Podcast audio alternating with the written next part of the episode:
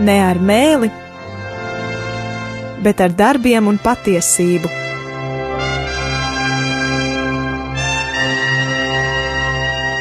Atvērsim svētos rakstus un studēsim kopā. Māca Jēkabs, Dieva un Kunga Jēzus Kristus kalps.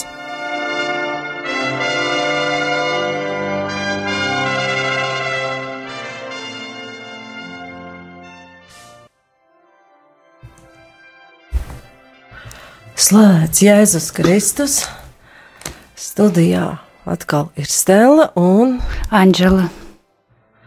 Kā šodien pētīsim tālāk Jēkaba vēstuli, kuru sākām saturu apskatīt pagājušā raidījumā, un kā redzējām, rakstu vārdi ir tik dažādi, bagāti un daudzslāņaini, ka to pirmo nodaļu tikai iesākām, nu varbūt tieši tur ir gan šīs grūtības, gan arī tas pievilcīgums šai vēstulē, ka tā ir ļoti bagāta un daudzslāņaina morāla mācība tieši mūsdienu cilvēkam, ka tā ļoti sasaucas ar pāvesta Franciska mācību un ved mūs daudz tālāk atziņās par labu, par ļaunu, kas ir kārdinājums, iekāra, kāpēc tie, kā izrādās, ir labi.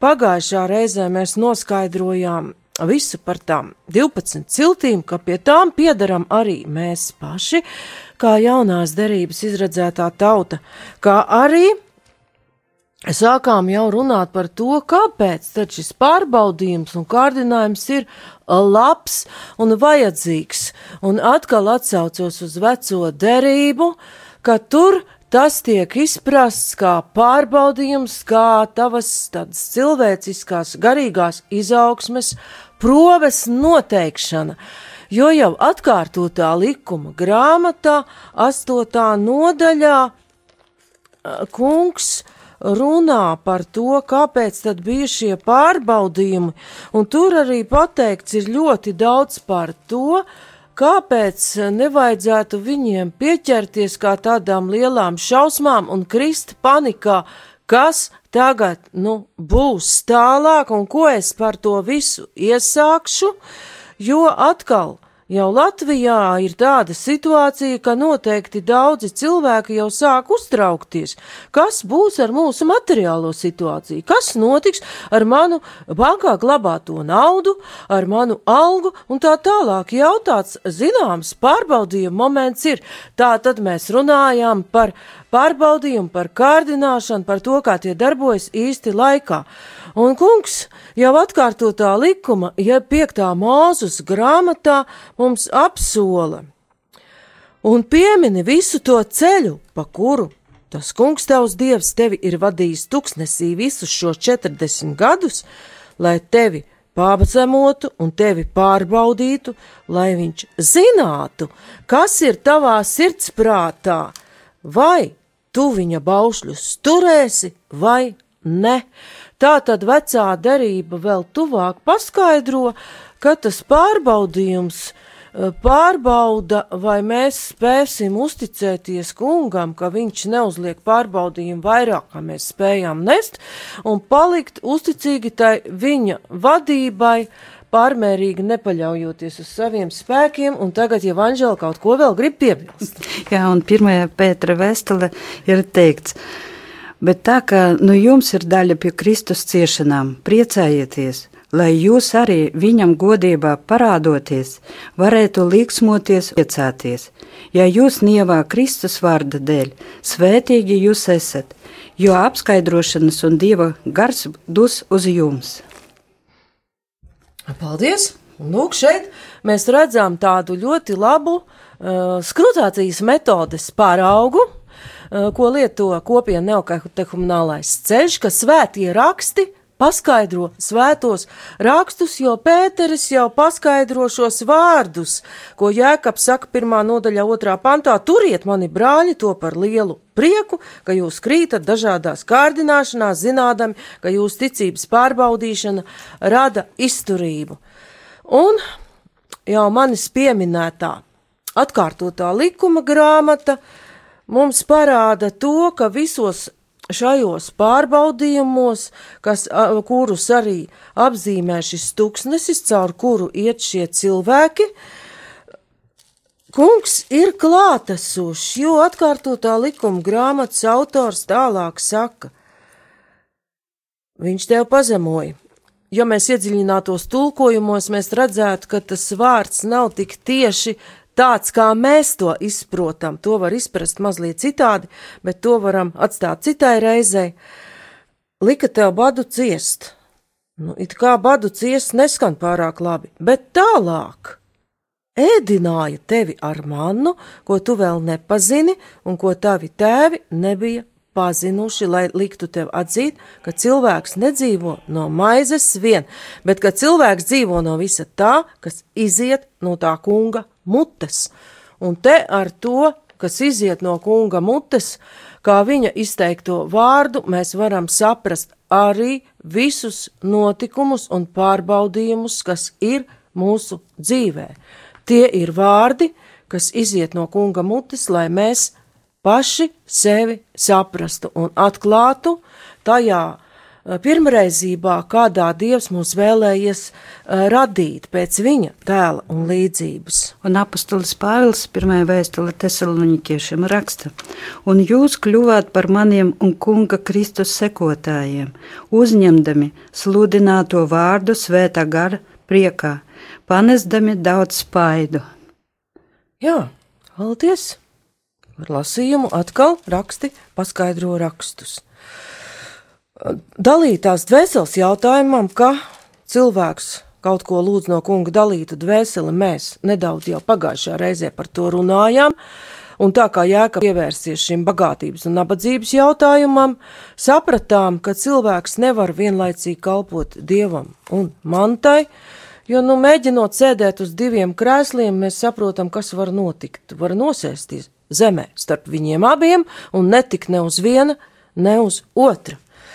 Un tālāk atkal ir šis tāds kā provocējošais vārds, jēkabs visu laiku kaut kā izaicina un provocē, lai zemais brālis lepojas ar savu augstumu, bet bagātais ar savu zemumu, jo kā zāle zieds viņš iznīks, jo saule uzlec ar savu svelmi un izkaltē zāli, un viņas zieds nokrīt un tās vaigas skaistums iet bojā tāpat bagātnieks novītīs savās gaitās. Te ir nostādīti blakus abi - bagātais un nabagais. Lepoties zemajam brālim ar augstumu, kādā veidā viņš ir augsts un bagātais ar savu zemumu, it kā tas, kas pasaulē ir pieņemts, un ko mēs ļoti labi pieņemam, ir samainīts vietām. Jo par tādu kā lielības objektu var kļūt gan bagātība, gan arī nabadzība.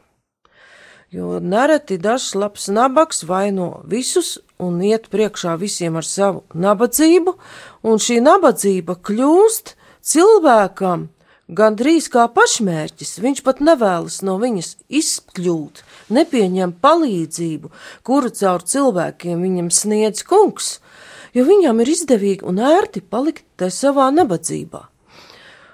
Un bagātais arī izmanto to bagātību, lai citam uzkundzētos un izjūt šo savu naudas varu. Un teksts jau šeit grib pateikt, ka gan nabadzība, gan bagātība, viņas ir pēc tādas ētiskās kategorijas, viņas ir neitrālas, pārējošas. pārējošas. Un par ko tad viņš būtībā runā? Kas ir svarīgs, vai mēs esam nabagi vai bagāti? Nu, jā, es vēl gribēju arī izlasīt uzreiz no pravieša iesai grāmatas, jā. jā, un tad mums vieglāk būs uz to atbildēt tavu jautājumu. Klau, balss sauc sludini, es sacīju, ko es lai sludinu. Visa miesa ir zāle, un viss tās ja, ju, jaukums ir kā puķa laukā. Zāle nokalst, puķa novist. Kad tā kunga dvaša to skar. Tiešām tauta ir zāle, zāle nokalst, puķa novist, bet mūsu dieva vārds paliek mūžīgi. Paldies!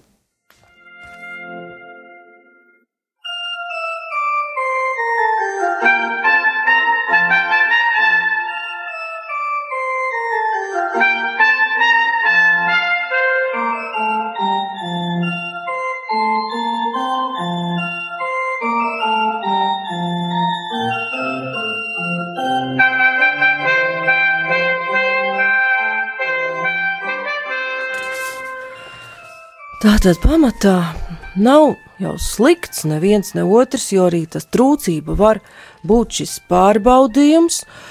Un jāsaka, ka arī bagātība ir ļoti smags un grūts pārbaudījums, un jau mūs ved tālāk pie nākošās tēmas, jo nevelti Jēzus saka, grūti bagātam ieiet debesu valstībā, ka viņam tas ir tik grūti, kā kamielim iet caur adatas saci, un tur ir runa par vārtiem Jeruzalemes mūri, kur kamielim bija grūti iziet, viņam jānomets ceļos, lai viņš vispār tur tiktu cauri. Tātad bagātniekam, lai ieietu debesu valstībā, jākļūst pazemīgam. Runa ir par attieksmi, kāda ir mūsu sirds nostāja pret šo nabadzību, vai bagātību, vai mēs spējam to pieņemt kā šo dieva izteikto vārdu, kas nāk no viņa mutes. Un, nu jā, un ja, šeit mēs varētu izlasīt Mateja Vangelijā pa jaunekli, kurš uzdot jautājumu Kristum. Un redzi, viens piegāja pie viņa un sacīja mācītāji, ko laba man būs darīt, lai es dabūtu mūžīgu dzīvību. Un viņš tam sacīja, ko tu man jautā par to, kas labs, tik viens ir labais, bet ja tu gribi ieiet dzīvībā, tad turi baušļus. Tas saka viņam, kurus, un Jēzus sacīja, tev nebūs zakt, tev nebūs dot nepatiesu liecību, godā savu tēvu un māti, un tev būs savu tuvāku mīlēt, kā sevi pašu.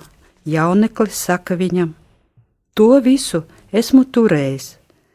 Kā man vēl trūkst? Jēzus tam sacīja: Ja tu gribi būt pilnīgs, tad noej, pārdot visu, kas tev ir, un atdot to nabagiem. Tad tev būs manta debesīs, un tad nāc un staigā man pakaļ. Paldies! Un šeit ir jau atbilde pašos svētajos rakstos. Te Šis fragments ļoti labi parāda šo attieksmes jautājumu. Jauneklis jau, var teikt, bija, jau mēs pieejam pie nākamās tēmas, bija kritis šai kārdinājumā pieķerties. Teikums pēdējais vēl paliks. Jā. Neizlasīts. Tas nekas, kas tajā pēdējā teikumā Bet, mums bija. Kad jauniklis dzirdēja šos vārdus, viņš aizgāja noskumis jo tam bija daudz mantas. Tad šis teikums nevelti viņš Anģelai it kā aizķērās kā tāds uh, dziedājums gregoriskais pēc pauzītes, ka viņš noskuma, jo viņam bija daudz mantas, tātad viņas sirds bija pieķērusies šai mantai, un viņam bija ļoti žēl šo mantu izdalīt trūcīgajiem. Uh, Un mēs vispirms jau saprotam to, kā tādu materiālu uzkrājumu mūsu dienās tas būtu ļoti zolīts bankas konts, bet kā mēs daudzreiz redzam, tie bankas konti arī izkalst kā tā zāle laukā.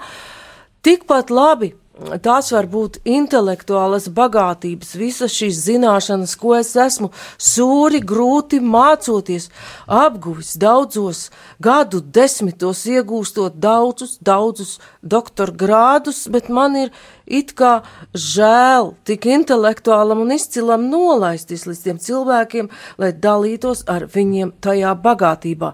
Arī tādā veidā var iekrist šajā kārdinājumā.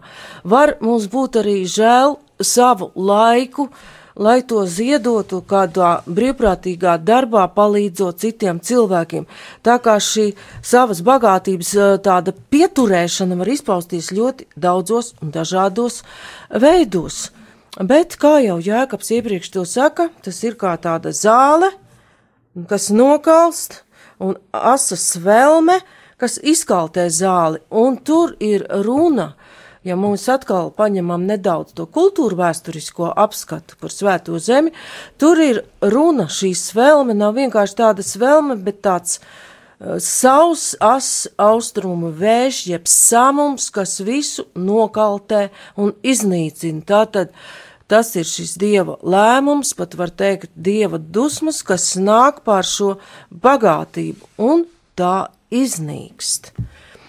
Bet tālāk jau mēs varam pievērsties tēmai pa kārdināšanu, jo Jēkabs pirmajā nodaļā diezgan daudz runā par kārdinājumu, tātad attīstot tālāk šo pārbaudījumu būtību, ka ir šī tieksme uz kādām lietām, kas nav savietojams ar kristīgu dzīvesveidu un dzīvi kopā ar Dievu.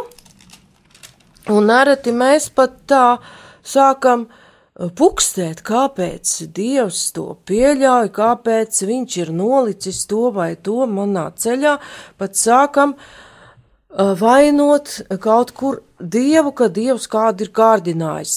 Nevelti tagad ir arī diskusijas, un pāvests Francisks ir pievērsis uzmanību kunga lūkšanas tulkojumam, bet šeit mainīt šo tulkojumu, kas ir jau pat ļoti ilgā laika periodā pierasts, diez vai būtu liederīgi, bet mums ir jāsaprot, ka arī kunga lūkšanā mēs drīzāk lūdzam par to, lai kungs nepieļauj šādas situācijas, ka mēs tiekam ievesti tādā nepanesamā, nepārvaramā kārdinājumā, kad neieved mūsu kārdināšanā, mēs drīzāk prasam šo uh, spēku, lai viņš nepieļauj kārdināšanu pāri mūsu spēkiem.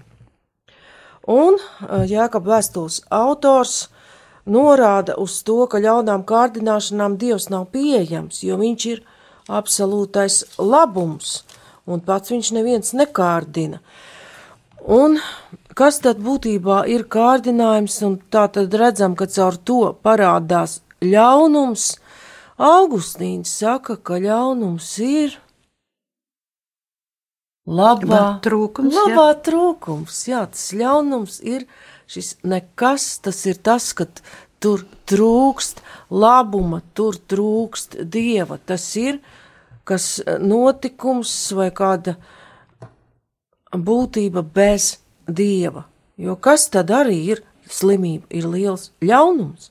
Bet ja mēs paskatāmies, kas ir slimība, veselības trūkums, un kas tad ir, mēs varam pat tā paskatīties, nāve, nāve ir dzīvības trūkums. Un tālāk jau mēs varam iet tālāk uh, uz kārdināšanas tēmu. Jēkabs saka, katru kārdina viņa paša kārība, to vilinādam un valdzinādam, pēc tam kārība, kad tā ieņēmusies dzemdē grēku, bet grēks padarīts dzemdē nāvi. Nu, te jau ir tāds, var teikt, pat uh, atsaucoties uz pāvestu Francisku mācību, tāds uh, taisns ceļš uz to, kā cilvēks iekrīt korupcijā, skatoties to lietu plašāk, nesaprotot ar to tikai amatpersonu kukuļņemšanu, cik kā cilvēks, iekrītot grēkā un neejot no tā ārā, kļūst samaitāts.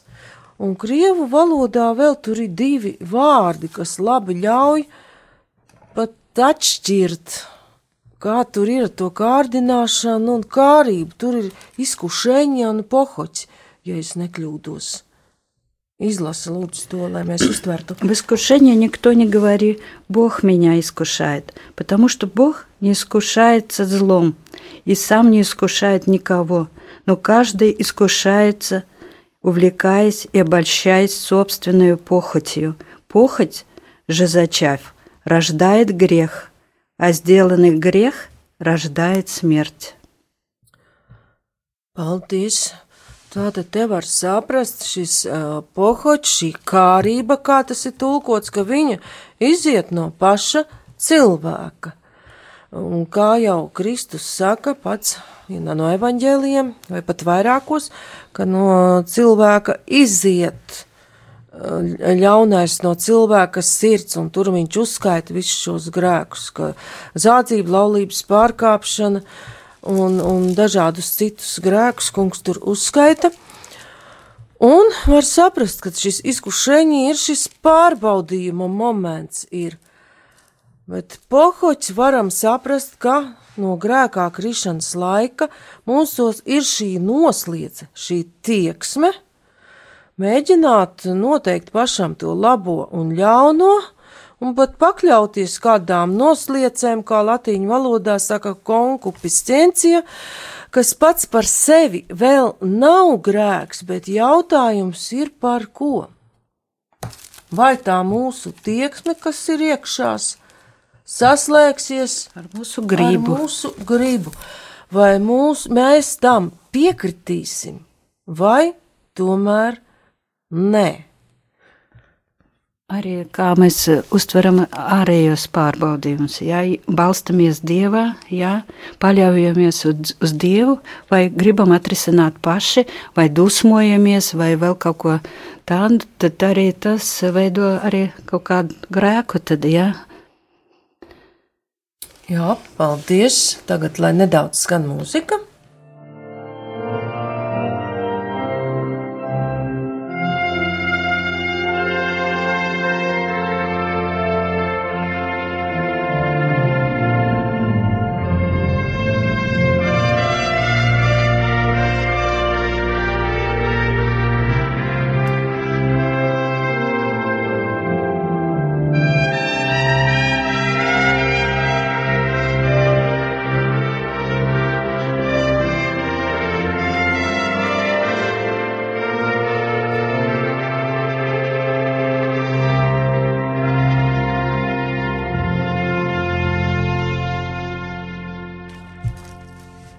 Tātad te varam saprast, ka tas ir tas, kas nāk no mums pašiem, no mūsu šīs noslieces uz grēku, ko esam iemantojuši no pirmgrēka.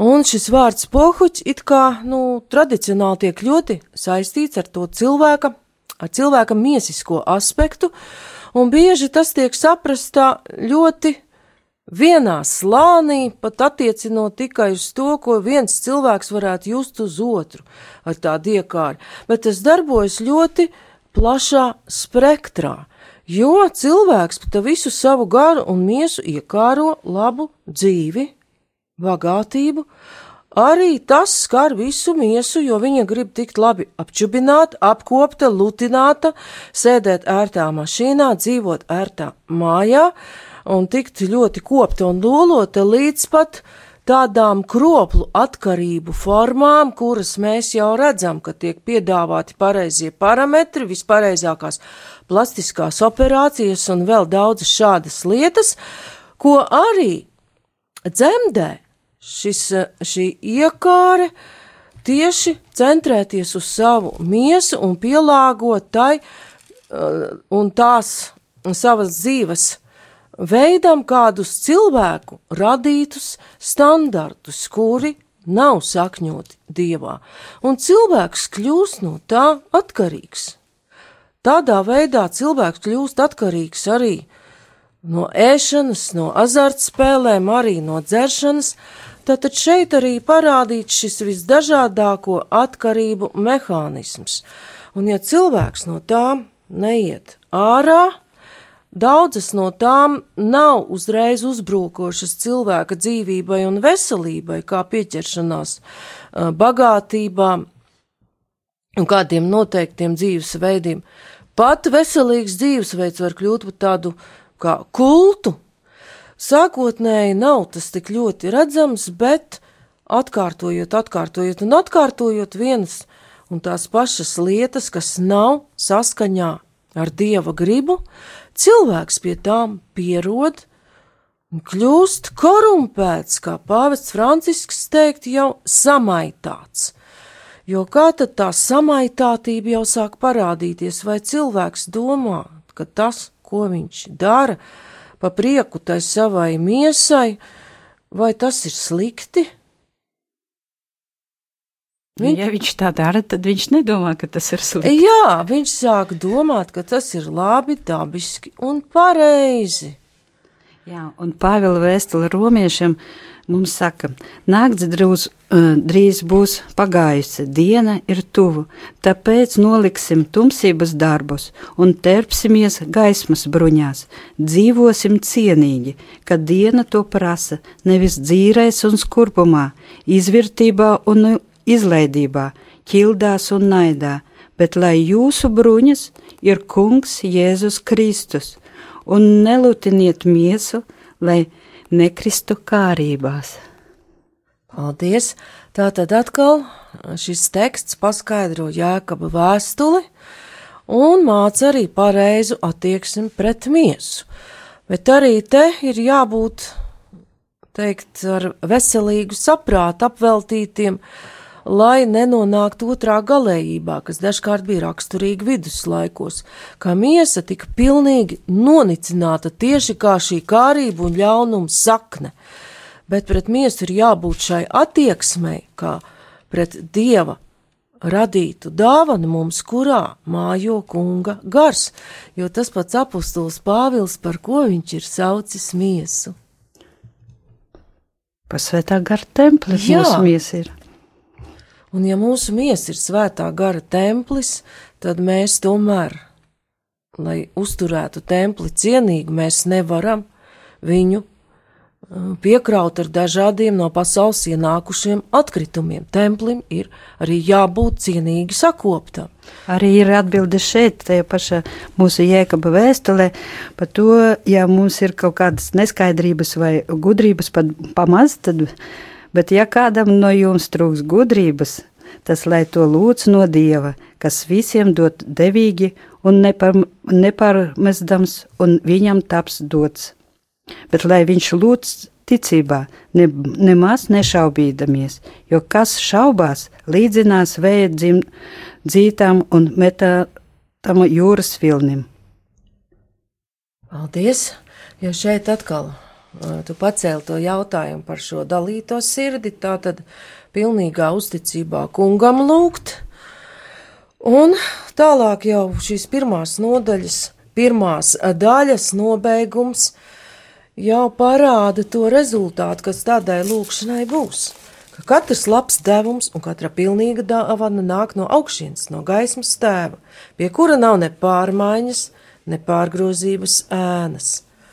Tā tad eh, mēs, lūdzot šo gudrību, būsim spējīgi arī ko labu dot citiem, un arī kādu pilnīgu dāvanu dāvāt, un paši kļūsim par šo pilnīgo dāvanu. Un caur šo lūkšanu kungs mūs var dzemdināt ar šo patiesības vārdu, lai mēs būtu viņa radījumi pirmai. Tātad mēs esam apskatījuši tikai pirmās nodaļas, pirmo daļu.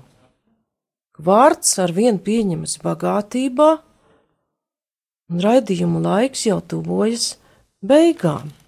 Un nākamā reizē mēs runāsim par vārda klausītājiem un darītājiem, tad pabeigsim pirmās nodaļas pētīšanu un pievērsīsim otrajai nodaļai, kas mūsdienās ir ļoti nozīmīga. Nespriediet par cilvēku pēc izskata, bet ar to jau nākamajā raidījumā. Paldies par uzmanību! Studijā bija Stela Un Anžela.